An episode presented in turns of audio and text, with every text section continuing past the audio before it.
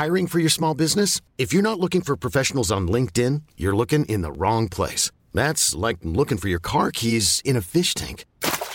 LinkedIn helps you hire professionals you can't find anywhere else, even those who aren't actively searching for a new job but might be open to the perfect role. In a given month, over 70% of LinkedIn users don't even visit other leading job sites. So start looking in the right place. With LinkedIn, you can hire professionals like a professional. Post your free job on linkedin.com slash achieve today.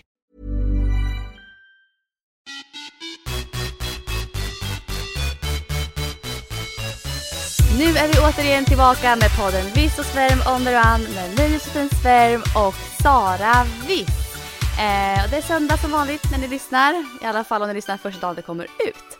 Eh, hur är läget med dig Sara? Det är bra. Jag tycker att jag mer och mer, alltså det här med, jag, jag säger att jag får mer och mer rutin på det, men det handlar nog mer bara om att jag har mer lärt mig att inte styra för mycket och inte ha för höga ambitioner. Så att jag Ja. tycker ju, därför upplever jag ju att det går bättre och bättre.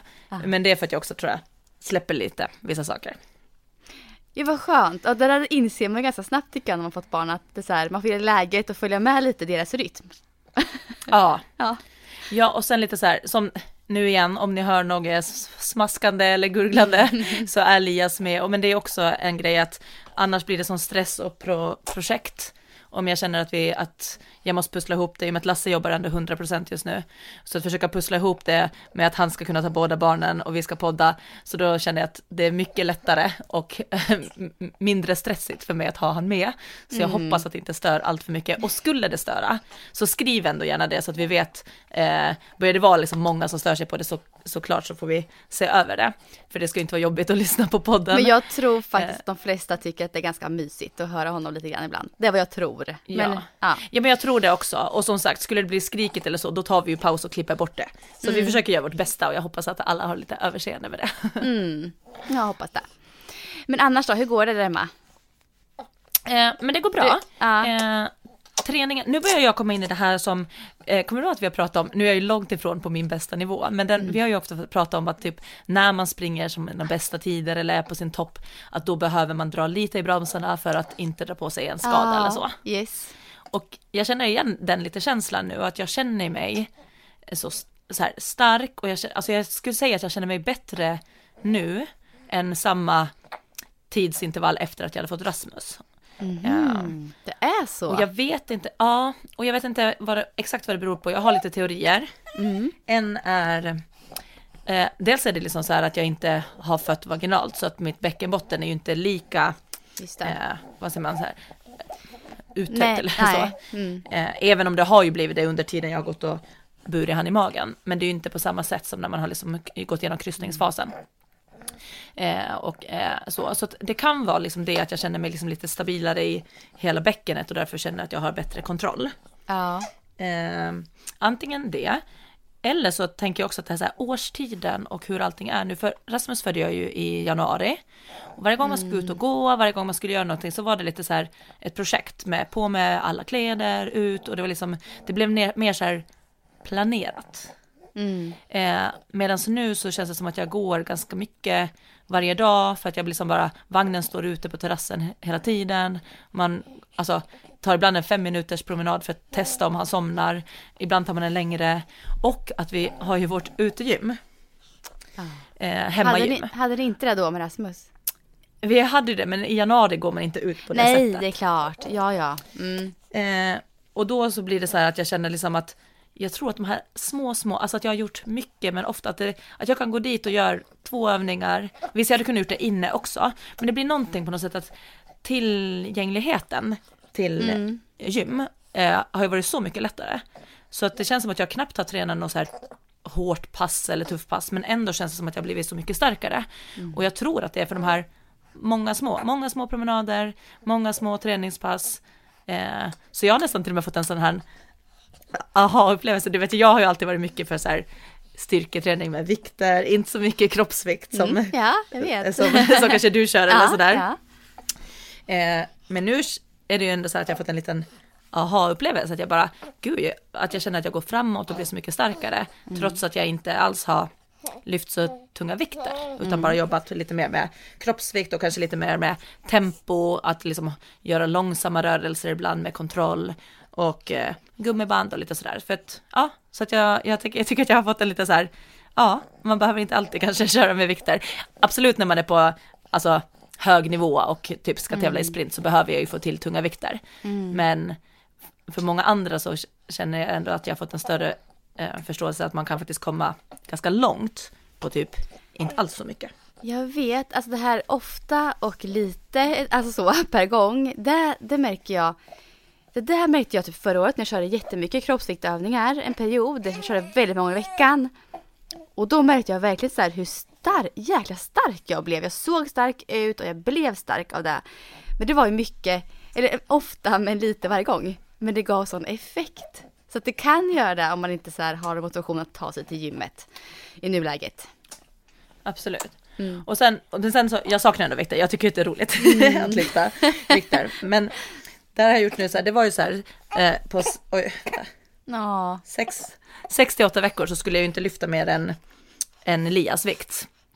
Eh, och nu har ju snart, eller när det här släpps så har det gått sju veckor, så nu börjar jag ju vara i det där spannet. Mm. Ehm, så, jag ska säga. Eh, och då har jag ändå så här, för jag vill ju försöka stegra upp lite hela tiden, men därför också så här, i och med att jag börjar tidigt så har jag också kunnat göra väldigt små ökningar och ändå känna att jag kommer framåt.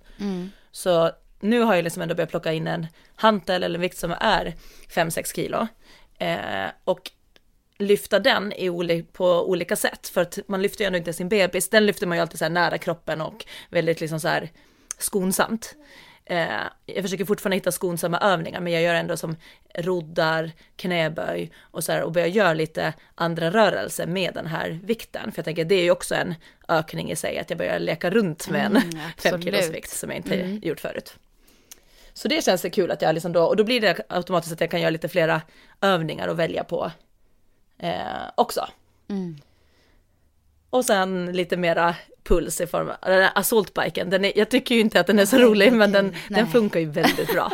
Ja, effektiv. Den är faktiskt ett så tips för alla som har typ så här, men kanske någon form av skada eller kanske gravid eller eftergravid, alltså någonting så för, för de flesta så tror jag att den funkar ganska bra och man behöver inte göra mycket för att få hög puls ganska snabbt. Nej, så är det verkligen på den. Ja. Den är hemsk Nej, men tycker jag, men den är bra. Ja, nej men så lite sånt har jag ökat på.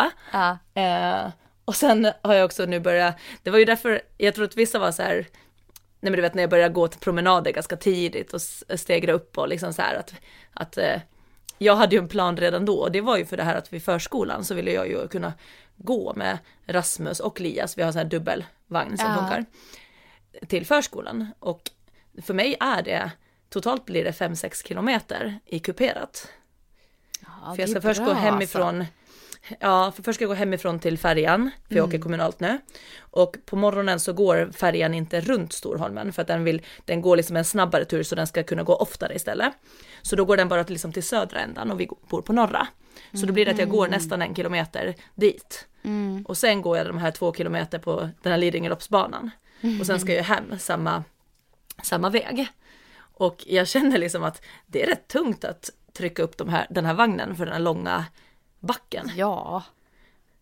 Och sen liksom, Ja, hem. vet det är lätt, sen när lämnar jag Rasmus på förskolan, det är liksom 20 kilo bort och sen går det ner för hem. Ja. så det går mycket bättre hemåt. Men, men jag känner så här, det där hade jag inte orkat om inte jag hade gjort den här långa upptrappningen. Eller så tror jag att jag hade fått ont eller något sånt. Ja. För att nu, jag var lite trött igår för alltså igår, det blev mycket, det blev den gången och sen så var jag och hämta och, och så hade jag gått ganska mycket under dagen men utan att tänka på det. Sen igår kväll när jag tittade så här, då hade jag 20 000 steg. Oj, jäklar. Så att, Ja, det var inte bra. konstigt att jag var lite trött igår. Ja, vad Ja, härligt nej, så, så ser min träning ut. Den, Ja. den, den funkar på ändå och det, ja, Ja. det, det är roligt. Ja, grymt ju. Mm. Hur har det gått för dig?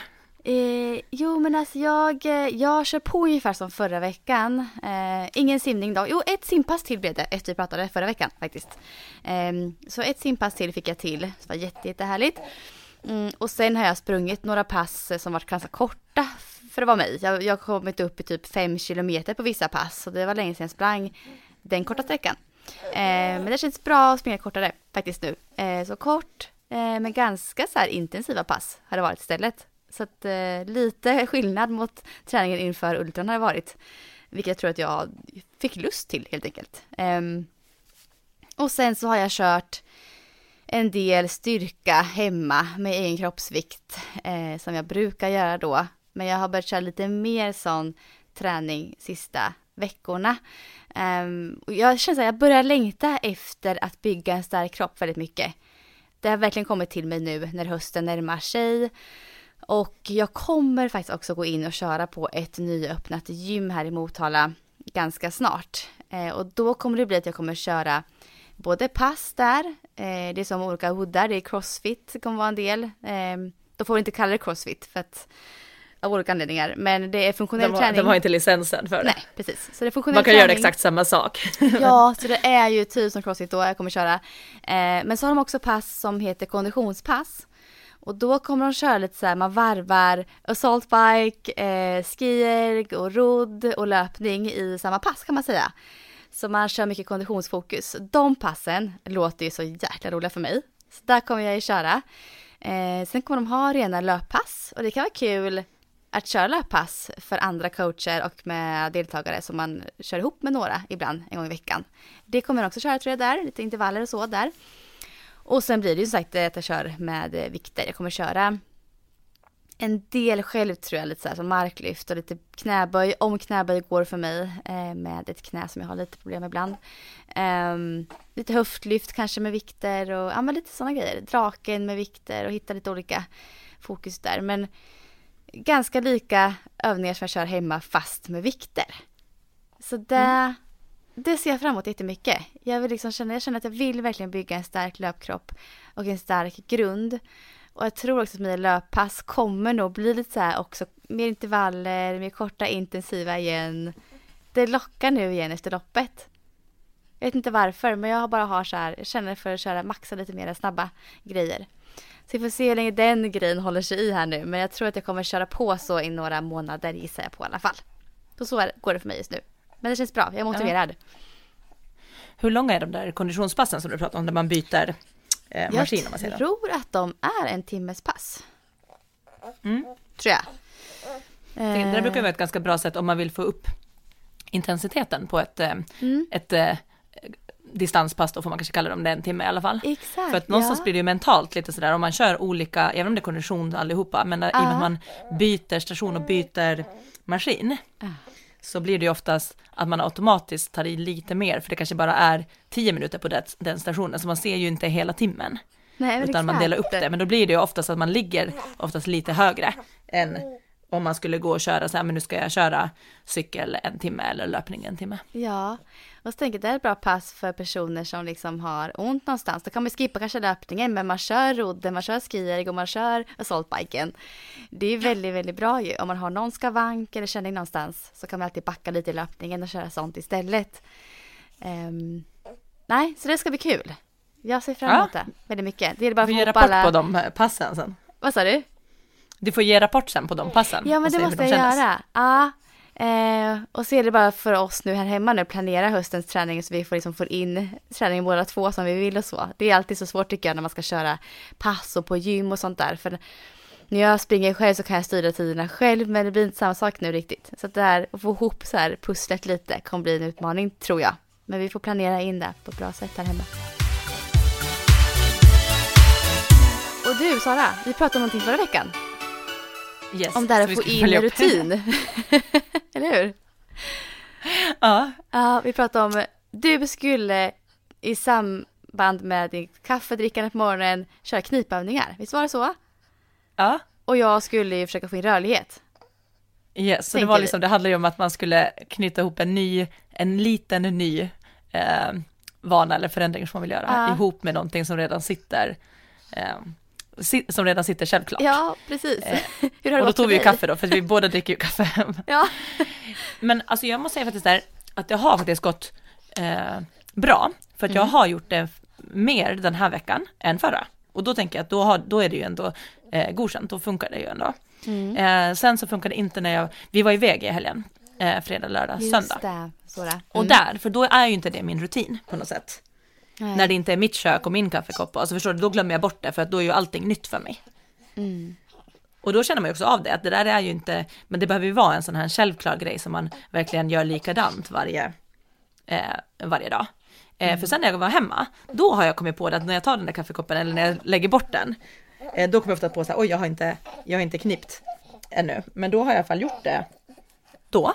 Mm. Eh, eller så har jag till och med kommit på det när jag tar min andra eh, kopp kaffe för dagen och då bara ups, jag gjorde det inte förra gången och då gör jag det då och sen gör jag det en gång till efter den. Nej. Så att jag skulle säga att två gånger om dagen har, det, har jag nog gjort det alla dagar vi har varit hemma i alla fall. Gud vad bra. Ja, så att, eh, så det, absolut, det blev, det blev ju ökat i alla fall. Ja. Eh, så jag ska fortsätta och ge det ett, eh, ett tag till då och se om jag liksom verkligen, att det flyter på ännu, alltså så här, ännu mer självklart. Hur gick Det för bra. dig? Rörlighet Nej, kan ju vara alltså- lite, det tar lite längre tid kanske. Ja, det är det det gör och ehm, nu har vi en hundvalp hemma. Vilket är supermysigt. Grejen är att på morgonen så är hon liksom som piggast och som busigast. Så då har det varit svårt så här, barn ska till skolan och hon ska busa och vi ska liksom hinna med allting på morgonen, Rodda. Och då har det varit svårt för mig faktiskt att få in det här. För att går jag upp tidigt på morgonen också så vaknar ju hon. Så jag kan ju heller inte gå upp innan alla andra och köra rörlighet. för då vaknar Nej. hunden istället. Så att jag har verkligen fått så här, ja det har varit en utmaning så det har inte gått så bra för mig. Men jag har kört istället eh, den här veckan. Två gånger så har jag sprungit och kört rörlighet efter löpningen i samband med det. Då har ju inte det blivit så långt däremot. Det kanske blivit rörlighet i max 10 minuter per gång. Och det kanske räcker också i och för sig. Ehm, Ja, det tror jag absolut. Ja, jag tänker det. 5-10 minuter ungefär har jag fått ihop efter passen. Mm. Och det här känns ganska bra, men jag vill gärna egentligen, helst av allt så vill jag få till rörligheten när jag är lite mjuk i kroppen innan. Så det inte blir, för när jag springer pass som är lite snabbare så dras ihop, musklerna ihop sig ganska mycket. Och då är jag stel när jag går in i rörelserna. Eh, och då känner jag att då får jag inte ut riktigt det jag vill av, av det här. Jag skulle vilja vara lite mjukare innan jag går in i, i de liksom, eh, passen. Ehm, så jag, jag skulle vilja få ihop rörligheten egentligen med kaffedrickandet. Men jag tänkte så här, man skulle kunna göra så att man tar det senare på dagen. Det kan ju vara mitt på dagen. Det kan ju vara att jag dricker kaffe på förmiddagen. Då kan jag få in rörligheten ihop med det en stund istället. Ja, precis, för du behöver inte göra det varje. Det är jag som, jag behöver göra det här, i och med att jag har ju typ, mitt tar ju en minut. Ja, Och då, jag behöver göra det flera gånger om dagen, så jag gör vid varje kaffe. Men du kan ju Ja. absolut ta vilken kaffe som helst. ja du kan ju ta, exakt. Jag tänkte inte ens på det. Jag bara, det måste vara på morgonen. Det på morgonen. Det kan ju vara när som helst. Det kan vara på kvällen liksom. Innan man lägger Ja. sig. När som helst egentligen. Så rörlighet. Ja, jag skulle faktiskt egentligen få in det varje dag i alla fall. En gång varje dag. Det är liksom mitt mål här nu. Jag ska verkligen försöka. För jag känner, jag, man, man blir stelare och stelare med åren. Jag märker när jag går upp på morgonen också. Jag, jag behöver mjuka upp min kropp alltså. Mm. Så det här, det här får vara ett mål som jag ska hålla i nu. Jag ska göra mitt ja bästa. men då får du hitta ett nytt ställe Ja, att n- nåla fast den. För det var Ja. ju det som var grejen också, att man skulle nåla fast den och veta att den inte var flytande. Ja, precis. Så Ja, får, jag ska göra det. ja, testa någon annan. Mm, det får jag göra. Annat ställe. Ja. Ehm, ja, just det. Och sen så sa du sagt till mig förra veckan. Du var ju på fotografering. Det sa vi kanske inte i podden eller? Nej, jag tror inte att vi sa det. Vi nämnde aldrig det där. Nej. Men vad är det för något? Nej, nu är jag jättenyfiken. Ja, eh, vi ska jobba, jag och Lias. Vad roligt. Ja. Nej, det var, det var faktiskt eh, helt så här eh, spontant blev det, utan det var eh, en granne till mig som, som skickade en skärmdump från Facebook, där det var en fotograf på, på Lidingö eh, som skulle fota ett jobb där eh, de behövde nyblivna mammor och bebisar. Eh, Så att om man kände någon så skulle de tipsa och bla bla. Så att eh, då kollade jag upp det där och jag bara, men det är perfekt för att jag menar, i och med att jobbet ska fotas också på Lidingö, så tänkte jag det är ju nära och jag har Ja. en liten bebis. Eh, så då skickade jag mejl dit och sa liksom att vi är intresserade av att bifoga lite bilder och min, det här känns alltid så proffsigt när jag bifogar min sida till Mikas modellagentur. Ja. Och det känns, det känns ju mer proffsigt än vad det för grejen att jag är ju inte det på den här modell, modell. kolla på. Finns det där alltså? Ja, det måste jag göra sen. Men för jag är ju inte, det finns som olika kategorier och jag är ju Aha. inte under liksom så här modell, modellkategorien, utan sen Nej. finns det en kategori som heter commercial, alltså reklam. Och där vill Ja. de ju ha alla möjliga typer, för det är ju för olika re- reklamjobb för allt möjligt, så då, då ska Mm. man ju, det är ju inte alltid vara så här modellutseende, förstår du? Nej, jag fattar. Mm. Eh, och där är jag för att jag har fotat Nu är ju du väldigt snygg eh, också, ska, det ska vi inte ta ifrån dig. Men, ja, Men tack, tack. Men jag jobbar inte heltid som modell. nej, nej. Men, eh, men då har jag ju, det är ju för att jag då har fått, eh, fotat en, hel del eh, sportbilder. Mm, eh, och går in under den liksom, eh, kategorin. Men då bifogar jag liksom ändå den sidan och då känns det alltid så proffsigt när man kikar med en sån sida. Ja, Eh, så hon bara, ja jag vet inte om arvodet räcker för en agentursmodell. Jag bara, eh, det är nog ingen fara. eh, för det var bara som en rolig, jag tänkte mest så här att eh, det skulle vara häftigt att få fina proffstagna foton. ja med jättekul Elias, för det är ju det, liksom, Ja. det är ju ett värde i sig. Liksom. Ja, Nej men och då skulle de ha en, halv, en sex månaders bebis och sen två stycken eh, som gick under så här nyfödd. Mm. Eh, och så fick vi det. Så, att, eh, kul. så på fredag så ska vi eh, fota och vi får se hur det går. Och jag är alltid, alltså jag blir lite så nervös när det är så här för, du vet det är lite utanför comfort zone. Mm. Dels fotograferingar, ärligt. Vet, jag fotar mycket men det är ändå alltid, det är inte liksom det jag gör vardagligt. nej, men det Och blir sen- annat också sådär när det är uppstyrt och ett jobbuppdrag. Ja. Och, ja. Och sen är jag ändå mer bekväm när det är så här fotaträning eller någonting, för då är jag ändå, eh, Ja. jag är bekväm i den miljön och jag vet hur jag liksom så här eh, rör kroppen och sådär. ja. Eh, men nu ska vi fota liksom mysiga eh, bilder, för det ska vara så här gosiga närbilder på mamma och bebis liksom. Eh, och det vet man ju inte heller hur det går med samarbetet mellan allihopa. Nej. Sådär, men, det ska bli kul. För eh, företag och- vet, alltså som det fotas för. Jag vet inte företaget, nej, jag vet inte företaget i sig. Det. Mm. jag vet vad produkten är, men jag väntar lite med att säga. Ja. Men jag vet vad det är för typ av produkt de fotar för. Eh, Och så. Eh, nej men så jag skojar till Lasse så här, bara, ja men Lia säger nu ändå sex veckor, det är dags att börja dra in pengar till familjen. Han kan inte ligga här och bara äta och sova och bajsa. Sen är det nytt också liksom. ja. Ja, vad roligt. Ja, nej, skämt åsido. Men sen så har det varit lite roligt så här för att, eller roligt, jag har lite, ja, inte dåligt samvete, men jag ska förklara mitt lilla bekymmer här. det är att så här, Lias är familjens tungviktare. Alltså, han- han är jättestor. så att han ligger liksom, vi har till och med varit på så här extra eh, tillväxt, för att de vill ha koll på hans eh, kurva. Det var framförallt dock för att huvudet hade tagit ett, ett språng och det måste Ja. de ha koll på. Eh, Så det gjorde inte så mycket med att, att han är tung och lång. För han ligger ju alltså tre kurvor över medel. Alltså det är, ja det är stort alltså. Så han, är ju väg, han väger ju redan över 6 kilo och det är ju mycket för en sex veckors bebis. Han skulle bli världens atlet Eh. Sara vet du. Ja, om det fortsätter så här så kommer Ja. han att bli typ 2,10. Ja. Eh, nej men och så är han ju redan 61-62 lång. Och det är ju också liksom så här, de kläderna är liksom två till fyra månader. Ja. Och han är liksom inte ens två ännu. Eh, och då får jag lite så här stressat att du vet att det står att han går ju in som en nyfödd bebis, vilket man ser ju på han i utvecklingen och hur han tittar och så att han är nyfödd. Mm. Men jag tänkte så här, tänk om den där sex månaders bebisen är liten, då kommer man ju typ inte se skillnad på vem, vem som är vem. Nej. Aj. Och framförallt så den andra bebisen som är en månad, den kommer ju antagligen Ah. vara mycket, mycket mindre. Ja, säkert. Och så då börjar jag tänka så här, oj tänk om det blir ett problem, borde jag mejla och varna att han är stor? Men då känner jag så här, nej det är ju inte mitt, alltså så här, Nej, jag har ju nyfödd. sagt han är nyfödd, Alltså, han är så här, Ja. och han liksom, men jag bara tänkte så här, oj, undrar om det spelar någon roll? Han är för stor säger jag.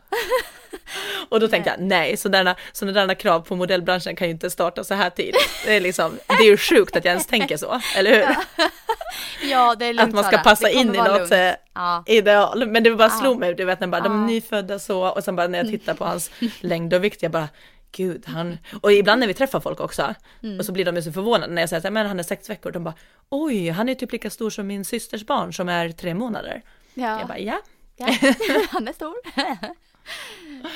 Men jag tycker det är jätteskönt, för han är också så stark och han är sån som är så att jag, jag behandlar ju han också lite som en tre månaders bebis. Han hänger Ja. bara med. Ja, vi har inte behövt hålla nacken på han på flera veckor och han är liksom, Mm, Ja, jag. Han är jag stark såg det på en bild.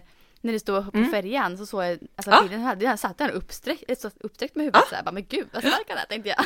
Han, ja, han är superstark. Ja. Jag tror lite att det är för att Rasmus har ju liksom ända från början varit, du vet, storebrors putta och inte Ja. alltid så försiktig. Så det känns som Nej. att han har liksom tränat redan Ja. nu av att lite så här. Däremot blir han aldrig, aldrig ledsen eller sur när Rasmus är på honom, vilket är konstigt. För ibland kan jag, jag blir ju arg på Rasmus ibland för att han är för hårdhänt. vad han, nej, Men han bara skrattar och tittar på Rasmus alltid jätteglatt. Ja. Jag bara, hur är det möjligt liksom? Gud vad härligt ändå. Ja. Ja, nej, så det är vad vi ska göra här i veckan, så ni får önska oss lycka till. Ja, lycka till nu, det kommer gå jättebra tror jag. Ja, jag hoppas det. Ja. Sen har ju en till friidrottstävling varit. Bauhausgalan. Ehm, kollade du på någonting när det var? Ja, jag kollade. Jag missade lite början, för det var precis då vi kom hem från vår lilla kryssning. Eh, Men eh, direkt jag kom hem så slog jag på det. Jag missade lite grann, jag fick se fatt lite grann och så, se efterhand och sådär också. Jag är så nyfiken på hur det gick. Eh, jag skrev upp några så här som jag tänkte så här, de här reagerade jag på, det var bra prestationer och kul att se. Och då har jag eh, Karsten Warholm. Han var ju sjukt överlägsen på 400 meter häck. Han är ju så imponerande. Det är ju verkligen Ja. den, han är väl bäst i världen nu, eller hur? Alltså överlägset, är det inte så? Ja. ja, precis. Han har inte världsrekordet, men han är ju, Nej. eh, han är ju Just nu är världsledande. Han, liksom, alltså, ja, verkligen. han är ju bäst i världen just nu. Han är så sjukt bra. Alltså så stark. Eh, och sen så har jag skrivit upp Duplantis 601 i stavhoppan. Ja. Så över 6 meter igen. Det var ett tag sedan nu han hoppade 6 meter. Um, vad jag vet i alla fall. Eh, så det var också väldigt imponerande. Och sen så skrev jag upp Andreas Kramer. Eh, han som du hyllade förra veckan, eller hur? På Ja. 800 meter. Han sprang på 1.45.04. Så han missade svenska rekordet med typ en hundradel eller någonting. Ja, 300 Eller delar. tiondel. Men, Ja, ja, det men det var ju liksom också så blåsiga förhållanden. Så Ja. att det där var ju väldigt bra tid. Det var nog säkert hans Jättebra. bästa lopp, skulle jag tro. Ja, nej men så, fan vad han är stark alltså. Imponerande. Och så skrev jag upp Kadis igen. Eh, efternamnet minns inte jag nu, men hon tjejen som hoppar längdhopp. Hoppar 6,83. Hon gjorde personbästa med ganska mycket. Det blev trea. Och Och det så är de där hoppen man har sett att hon har haft i sig. Men Ja, haft svårt att få till precis. med plankträff och sådär. Ja, hon kommer jag tror den här tjejen kommer ju bli riktigt bra tror jag. Ja. Det ska bli kul att följa henne faktiskt. Eh, Daniel Ståhl lyckades också ganska bra va? Såg jag någonting om Ja. förbifarten? Jag såg inte när han kastade. Vet du vad han kastade? Eh, men det var upp mot 67-68 igen, så Ja. han är väldigt stabil där liksom. Ja, precis. Så det är de som jag har noterade från helgen. Eh, Jag, jag måste hoppa tillbaka till Karsten, för jag vet inte om du Ja. såg bägge. Såg du att han gjorde två lopp? Nej, Nej? Vilket Nej. såg du? eh, sista. 400 meter. Eh, nej, Häcken, Häcken. Häcken, ja precis. Ja men just det, Sara, gud, han grejen var ju den 400 att- slätt också. Ja. Hur gick För det? att han kände att han hade liksom chansen att ta Europarekord på Just typ bägge och sådär. Så att eh, han hade eh, mejlat för 400 häck, i och med att han var anmäld där, så Ja. hade de ju satt det som en av slutgrenarna för att den är liksom en av de roligaste att se på när han springer. Då hade ju Ah. han mejlat och så här bett dem och frågat om de kan lägga det tidigare i schemat så att han hinner gå och ladda om för att springa 400 Alltså meter. jag hörde om det senare. där och så missade jag att kolla. Och jag vet inte hur det gick. Men så han sitter ju och cyklar liksom emellan. Ah. Han har ju kanske en Sjukt timme, alltså. en och en halv max eller något sånt. Så han går bara in och cyklar liksom och då tänker han ha sprungit på den nivån, det. Mm. loppet, alltså så. Och sen, och han slår ju sitt pers med liksom mycket på 400 Ja. häck och sen går han in och cyklar och så går han ut och så, han missade det där rekordet han ville ta med lite grann. Men igen, du vet han var liksom, eh, vad var det, åtta tiondel före tvåan på Ja. 400 meter efter att Ja. han springer 400 häck. Alltså. Och det är bara, jag gillar lite det så hans inställning och han på något sätt, det blir ju som att han showar, alltså han bjuder Ja, på det det, sin bra verkligen. form. Ja. Eh, och det tycker jag att det är eh, ändå kul att se att han, att han gör sådär Det är liksom. ganska vågat att göra det ändå. Ja, Det blir väldigt stor jag påfrestning tycker det är lite samma som andra norska, vad, vad heter hon nu då, Johaug. Ja. Ja. Att hon också tackar ja till Mm. att springa själv på en sån där och säga jag ska ta det här, det här rekordet och jag ska göra det liksom på egen hand för fullsatt, eller inte tv-sänt, livesänt och Ja. sånt där. Det är också en sån här inställning som är så här vågad. ja. Ja, och eh, jag gillar på något sätt det där, det, alltså den typ av inställningen, att de bara så här, nu är jag i bra form, nu Mm. kör jag liksom. Ja, Ja, det det var häftigt. Mm, verkligen. Nej, var det något mer då som du snappade upp som jag inte sa nu eller som du ville hylla eller? Eh, nej men jag följer ju de här finska häcktjejerna och de har ju inte Ja. varit i Sverige nu på grund av corona och så, men en av dem eh, ja. var och sprang eh, 100 meter häck, eh, Ja. Lotta Harala. Ja, det såg jag. eh, Ja, henne har jag följt länge för jag tycker att hon är Mm. väldigt så här, rolig profil att följa Jag också. följer henne på Instagram. sociala medier och så. Mm, mm. Jag med. Mm. Men, eh, och hon sprang också tangerat personrekord. Eh, Mm. Vilket jag tror också att var väldigt bra eh, för henne, för som sagt det verkar vara lite så här kluriga vindar där och, eh, och att då få till ett tangerat pers eh, Mm. var super. Och hon är ju så här, hon, hon var skadad förra året. Och året innan det så minns jag, för då var jag ju på finska mästerskapen och kollade på min syrra som hoppade längd då, för två år sedan. Och då var vi ju där och tittade. Eh, och då kommer jag ihåg när vi skulle gå tillbaka till bilen hur hon här tjejen kom liksom eh, gråtande från tävlingen. Fast hon hade sprungit jättebra så grät hon. Ja. Eh, och eh, la upp en story efter det då gråtandes sittandes i bilen. Och, och det var liksom så här för att den här nivån på finska 100 meter häck tjejer Ja. är så hög. Så att hon sprang där och blev fyra på finska mästerskapen med en tid som var kval till, jag tror det var EM det, det året. Ja. Så hon kvalade in till EM, blev fyra, men det är bara topp tre i varje land som får åka. Nej. Ja, men Så att förstår hon man är- hennes... Åh, Alltså förstår du, du springer ett bra lopp, du Ah, klarar kvalgränsen, Mm. men du får ändå inte åka för att det finns så många extremt duktiga. Ja. Och det, är- när man ser liksom på, på deras, jag menar i Finland så är det, det är ju så, hon sprang 13.07 och hon är ju då som fjärde, så vi har, det är ju tre andra som springer under 13 på 100 meter häck. Och jag tror att S, SM-ettan, alltså svenska mästaren, tror jag, nu är jag inte helt säker, men jag tror att den vann på runt 13.50. Mm, Så det är en halv sekund efter henne som är fyra. Så att man förstår nivån på, Ja. att de, och att de är så många där just nu. Så att, eh, men var, jag tycker att det är kul, så var hon eh, skadad förra året och nu är hon tillbaka och eh, är snabbare än någonsin. Så jag tycker att det är Mm, jätteroligt att följa, Alltså. följa ja. henne. Hon är väldigt härlig tjej att följa och jag tycker det är roligt att försöka lista ut finskan, för jag kan ju lite finska men inte så mycket, Ja. så jag tycker det är roligt att lyssna på hennes stories och försöka snappa upp så mycket som möjligt. Ja. Ja, eh, då lämnar vi väl Bauhausgalan där, tänker jag. Eh, för vi har ju fått in en, eh, vad säga, en lyssnarinput kan man säga, eh, från förra avsnittet. Eh, det var en tjej som skrev så här. Eh, Hej! Jag har satsat på maraton nu senaste två åren med bästa tid strax över tre timmar och jag har aldrig sprungit sådana långpass som speciellt Josefin trycker på att man ska ha innan ett maraton. 26 kilometer max eh, är max vad jag kör innan och jag klarar mig bra med dessa pass. Jag skulle gärna se att ni nämner det också för många motionärer avskräcks om man måste springa 32-34 kilometer innan ett maraton. Eh, jag har även tränat kompisar till sina maraton och de har fått tider på 3.30 utan dessa långa pass. Eh, en fundering bara och ett tillägg att alla behöver inte ha långpassen så där långa för att lyckas, skrev hon. Ehm, och det här var ju intressant tyckte jag. Ehm, Mm. jag känner ju att det är klart att det är jätteindividuellt. Det är alltid det när det gäller träningsupplägg och hur man ska träna. Ah, det beror ju på liksom vad du har för förutsättningar, ehm, vad du har för möjligheter, hur du tränar idag. Eh, hur många vilor i veckan springer, till exempel den här tjejen kan man ju fundera över då. Eh, för hon presterar ju väldigt bra på Mara, alltså strax över tre timmar är väldigt snabbt. Så den här tjejen kände jag direkt att det här är en tjej som tränar mycket. Det förstår man ju direkt. Eh, hon springer, hon skrev vidare sen, jag har skrivit med henne lite här, eh, och hon skrev vidare sen att hon tränar, hon springer 10 mil i veckan, gör hon. Eh, och det är ju väldigt mycket. Alltså det är Ja, det är väldigt mycket mer mot vad motionär gör. Väldigt mycket mer. Eh, och det är väldigt då, mycket vänta, mer nu vet jag inte hur jag min, gör. matte, hur min matte är, men jag tänker då om hon inte springer så jättelånga pass, om 26 är det längsta Ja. inför ett maraton, då antar jag att hon Mm. inte springer så långa varje vecka heller, utan det är ju när hon jag trappar upp tror inför mara. inte det. Ja, jag tror också att det är så. Att Men då blir det väldigt många pass istället.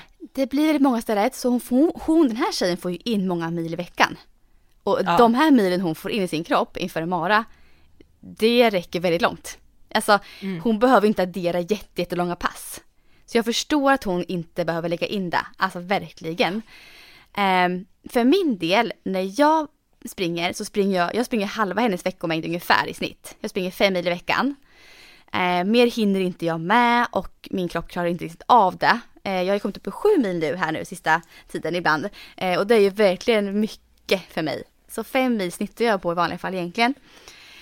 Så för min del så behöver jag komma upp i lite längre pass inför en mara. Det jag skulle kunna göra istället kanske för att komma upp i de här långa, långa passen, det är kanske att dela upp, kanske att springa en helg och totalt en helg springa ett maraton. Alltså dela upp 20 km och 22 km dagarna efter varandra. Det tror jag också kan vara ett alternativ för att träna inför maraton.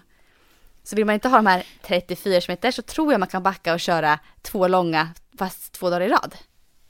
Och få en totalmängd på ganska många kilometer. Um, så det här kan man ju verkligen så diskutera kring jätte, jättelänge. Och det beror på vem du är, hur mycket du tränar som sagt idag. Och hur, alltså hon har ju en bakgrund som idrottare ganska långt tillbaka verkar det som också, eh, utanför löpningen. Eh, så jag förstår att hon presterar väldigt, väldigt fint på maraton. Och man undrar lite så här, det inte hon den här tjejen vet kanske nu heller, det är ju hur hon skulle prestera om hon skulle springa lite längre pass också inför en mara. Hon kanske kan mm. bli ännu bättre då resultatmässigt. Men det vet vi ju inte. Hon har inte behövt det hittills, varit stark under maraton så att för henne funkar det här ändå bra, verkar det som. Um, ja, jag, jag, tycker det här är så intressant med träning, för träning mm. är ju inte svart eller vit, nej, utan det är liksom, visst det finns studier på vad som eh, verkar fungera för många och sådär, men mm. det är ju mm. inte på individnivå att, att det här nej. är så funkar för alla, för då skulle träning då skulle vi inte ha massa olika typer av träning om, för resultat, utan då skulle det vara ett program och så funkar ja. inte träning. Precis. Och jag tycker det är så intressant att höra liksom att det finns, och det kan vara bra just att för lyssnare också att tänka så här att det här, så som du lägger upp, det är ju egentligen den man skulle säga kanske traditionella eh, mm. programmeringen för ett maraton. Ja, söker man på ett maraton program så ser det oftast ut ungefär så att det stegrar upp till ungefär 32 eh, mm. innan, några veckor innan och så. Så det skulle man säga kanske den traditionella. Men jag har ju också hört, det som hon, för som sagt springer man två långa pass som du sa så här på en helg. Ja. Jag tror att det är jättebra, speciellt om man kanske får de här känningarna och känner sig väldigt sliten när man mm. gör just här över 25 till exempel. Då kan ju det vara ett jättebra eh, pass och sen så vet jag att vi någon gång har pratat också om att göra så här kombinationspass. Till exempel att springa en timme innan ett crossfit-pass så har du fått två timmars och sen kanske till och med springa en timme till efteråt så du får tre timmar till exempel. Mm, Men mm, det är inte löpning. Länge. Precis. Exakt, så det vet jag mm. också att funkar bra för många som liksom inte vill eh, nöta löpning så mycket. Men då har de ändå mm. fått en rätt bra effekt på också att vänja kroppen med att vara igång en längre tid. Så det finns ja. ju olika sätt och jag tycker det var också en bra input liksom så här, och intressant det. att de har sprungit mm. så snabbt också tycker jag. Mm. Eh, alltså, men sen ja. som hon säger också, hon har ju en träningsbakgrund som är alltså, på rätt hög nivå tycker jag, liksom, mm. och hon har många mil så att eh, jag tror absolut också att den eh, funkar bättre när man är van också att eh, kanske träna så. Jag tänker med det. Och sen för motionärer som blir avskräckta. Jag förstår att man kan bli då och ska ut i tre timmar, tre och en halv timme på ett pass. Det är jättelångt tänker man ju. Och då tänker jag så här, på de passen behöver man ju inte springa hela tiden heller. Det kan ju vara att du är ute och rör dig en viss tid. Det behöver inte att du ska springa 32 kilometer utan stopp. Du kan verkligen stanna flera gånger på vägen och dricka lugnare och gå en kilometer emellan. Var igång bara tror jag. Det handlar om också. För motionärer som är rädda för att springa, alltså så här långa pass inför ett maraton. Så att det finns olika sätt att eh, lägga upp det på som passar en själv. Mm. Det tror jag verkligen. Så det var väldigt bra input. Tack för den säger vi till henne, den här tjejen. Eh, jätteintressant och jag känner att jag fick med mig faktiskt eh, tankeställare här. Eh, hur man kan tänka själv inför framtiden. Just därför att kombinera kanske en hel, det kom jag på själv, men jag tänkte att jag fick den ändå i åtanke nu, det här kombinera två pass eh, tätt på varandra som är långa och komma upp i en totalmängd mm. som kanske är väldigt stor. Det tror jag också på. Eh, det kan nog likställas ungefär med de här långa, långa passen faktiskt. Så jättetack för input där, säger vi till henne.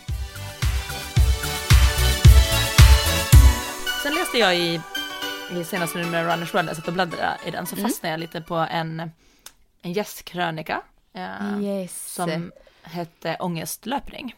Mm. Eh, den var skriven av en tjej som heter Sofie Sarenbrant. Eh, och den fick mig ändå så här tänka till, liksom. inte så mycket på just det här djupa eh, ångest, eh, alltså så här, för det, jag har inte gått igenom en sån att jag sprungit mig ur det, men det handlar lite om det här med att, att löpning är kanske inte man kanske inte kan springa ifrån vardagen eller verkligheten. Men kanske att det kan hjälpa en att ta sig igenom en kris. Och det var ungefär det som Precis. jag eh, läste om liksom där och eh, lite hennes erfarenhet. Eh, och då slår jag mig bara att det känns som att det finns mycket stories, mycket böcker och mycket så här hur många har tagit till löpningen som en räddning i livet. Ja. Känner du igen de här storiesarna? Ja, absolut. Ja, men alltså det här känner jag mig verkligen igen själv så väl. Eh, vad löpningen verkligen gör med en. Och hur gott man kan må efter en löprunda jämfört med bara en kvart innan, alltså man gick ut och sprang. Det är så här, det gör så mycket med det mentala, man blir självsäker. Alltså jag kan ju ta till löpningen när jag är nervös inför saker och stressad inför någonting, kanske ett viktigt möte, någon slags prestation man ska göra socialt, då tycker jag att löpningen funkar så jäkla bra inför sådana situationer.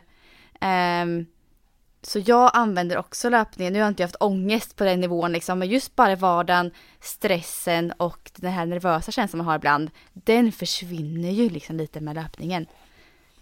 Mm. Den får så fin effekt på hur man mår tycker jag mentalt. Ja men precis, för jag tänkte att hon som skrev det här också, hon hade tror jag inte heller så här eh, djup ångest, men hon, hon förklarade ändå liksom hur hon har haft så förhandlingar på jobbet som var jättejobbiga och som bröt ner henne liksom och eh, att hon kände sig inte liksom, hennes värde var liksom inte Mm. eh, bra nog.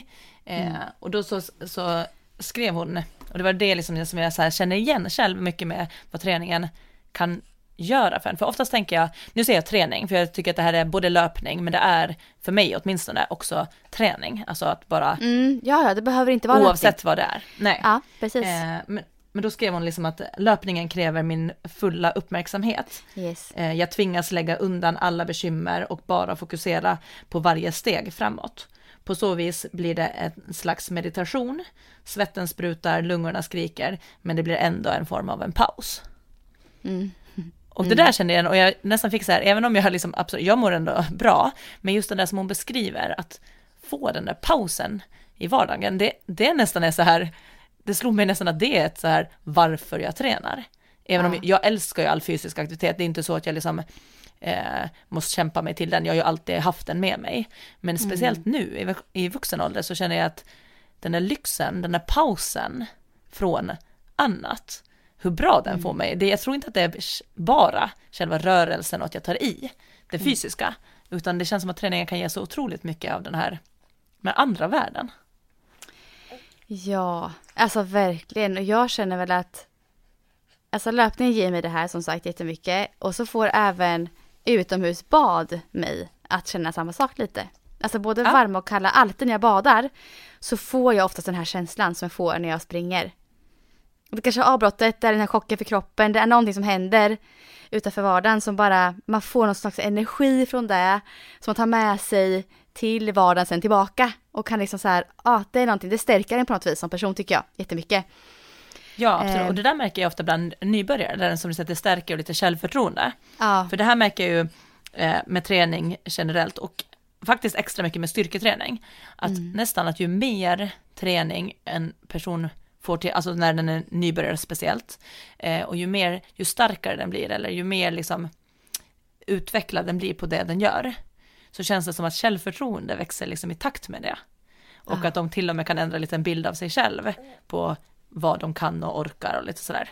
Och det tycker jag att det är också så, här, så häftigt att se hur, hur träning och löpning kan stärka ens självförtroende och självkänsla. ja, alltså jättemycket. Jag tänker på hon som skrev den här, Sofie Sarenbrant, hon är ju författare och hon var ju även en av sångpratarna nu i somras. Hon, eh, hon vet ju, jag har ju haft det väldigt tufft eh, som liten och hon har haft mycket, jag tror att hon har haft ångest på riktigt också genom livet. Eh, Ja.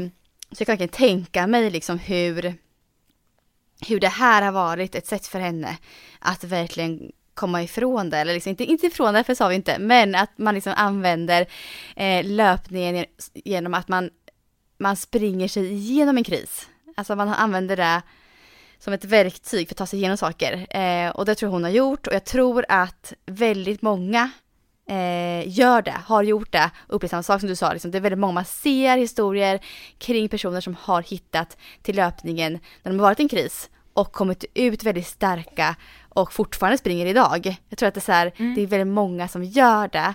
Eh, och det är, det är ju så fall det, det betyg på hur, alltså hur fin effekt det har.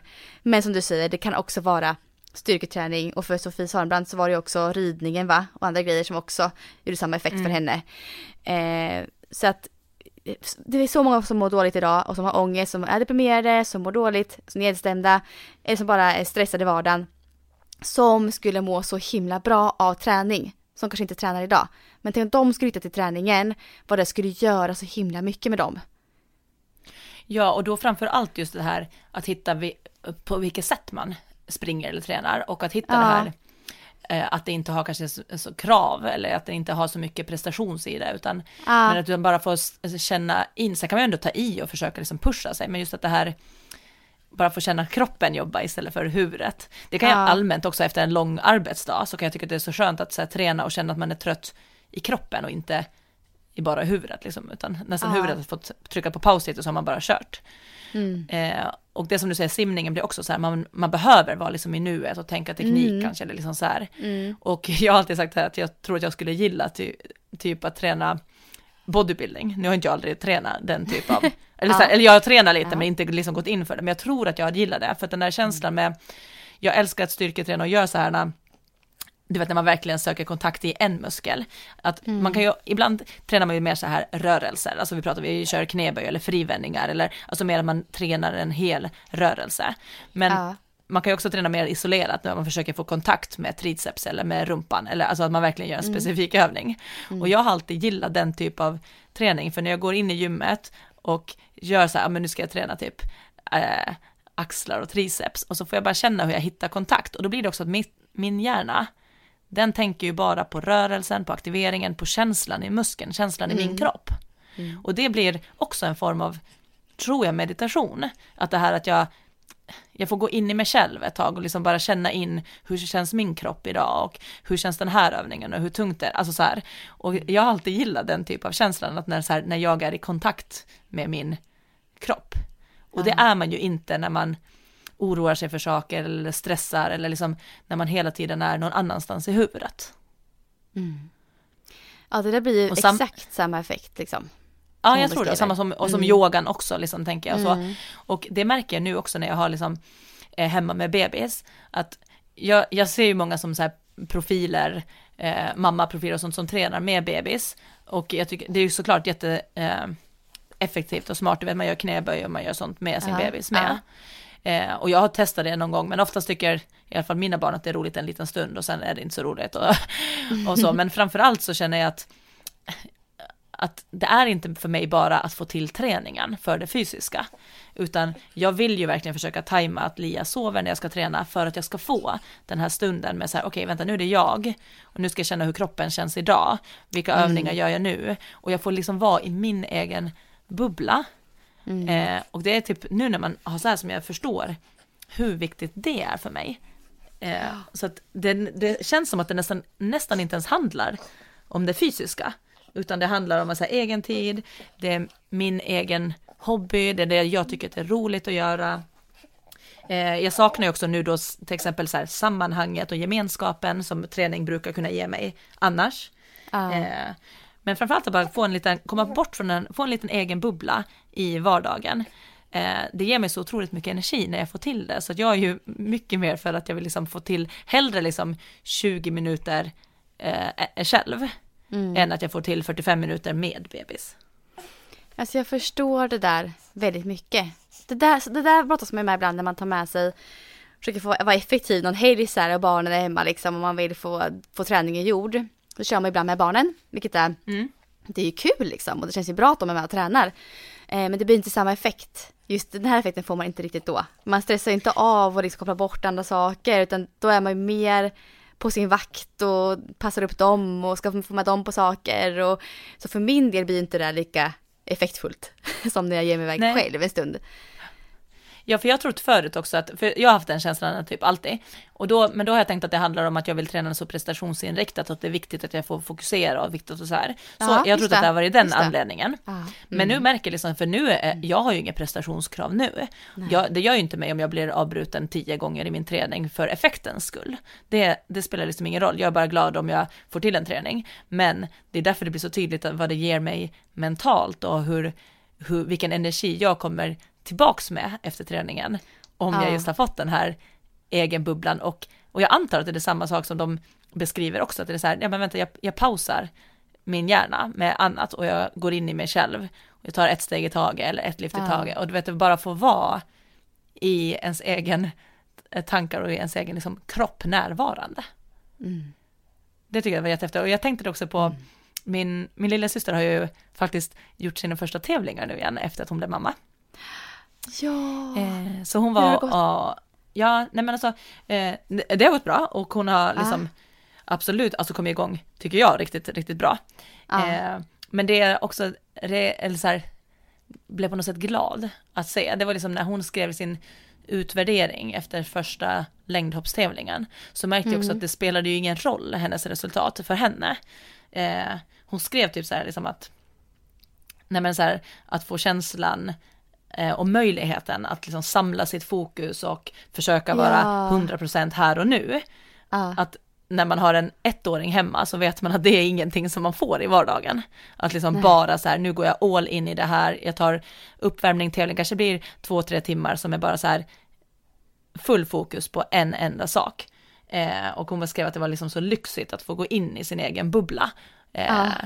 Och det tyckte jag att var så här, ja men det var liksom samma grej som jag liksom så känner och jag förstår henne och att jag tycker att det är fint att se att även om man tränar prestations eller tävlings så behöver det fortfarande inte vara bara själva tävlingsmomentet som driver den eller som Nej. gör att man tycker att det är kul att fortsätta eller varför man gillar idrott eller träning.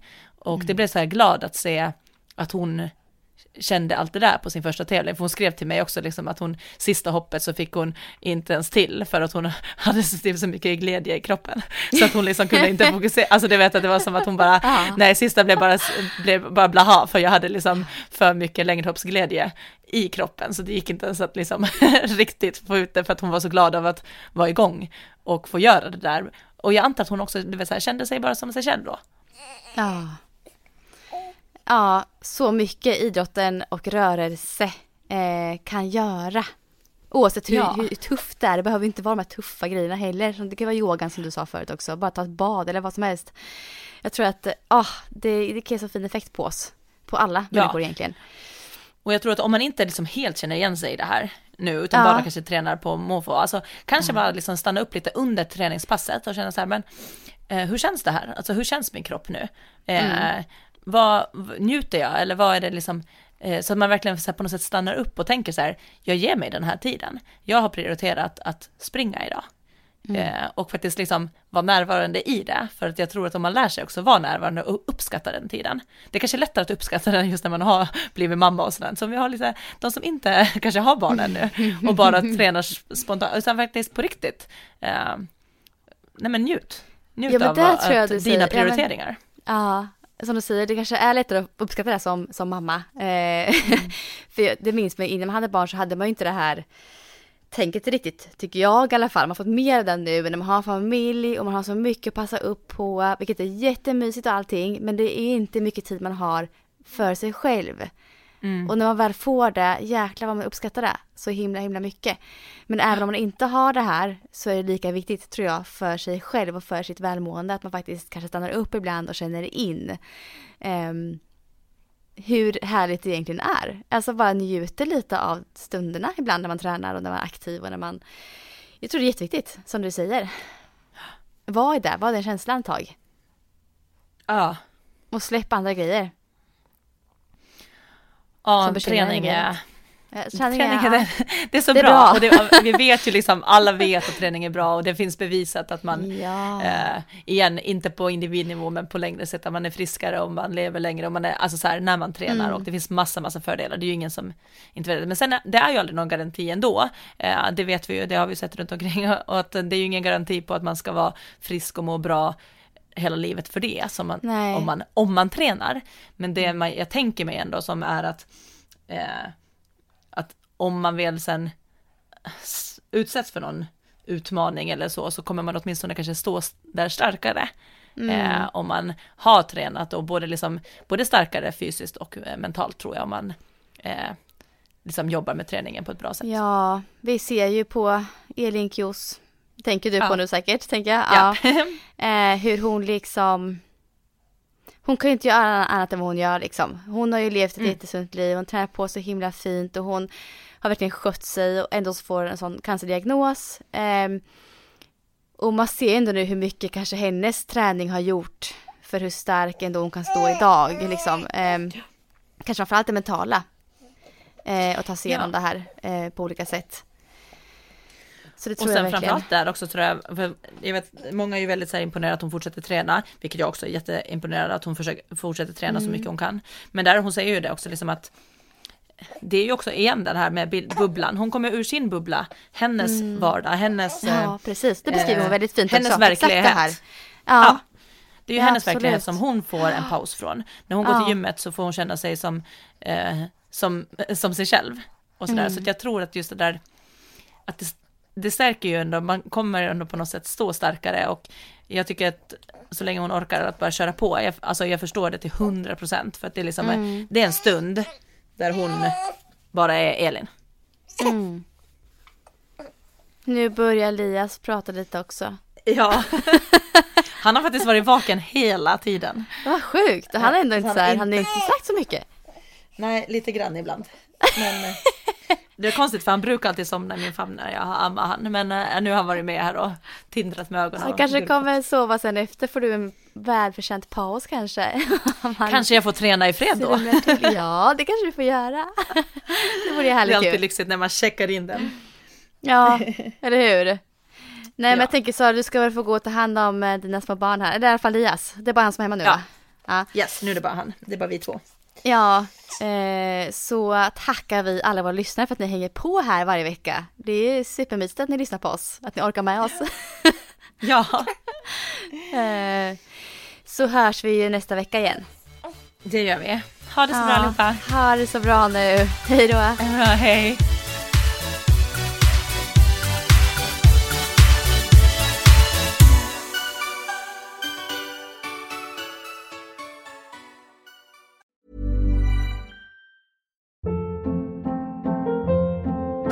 Hold up. What was that? Boring. No flavor. That was as bad as those leftovers you ate all week. Kiki Palmer here, and it's time to say hello to something fresh and guilt-free. Hello Fresh. Jazz up dinner with pecan-crusted chicken or garlic butter shrimp scampi. Now that's music to my mouth. Hello Fresh. Let's get this dinner party started. Discover all the delicious possibilities at hellofresh.com.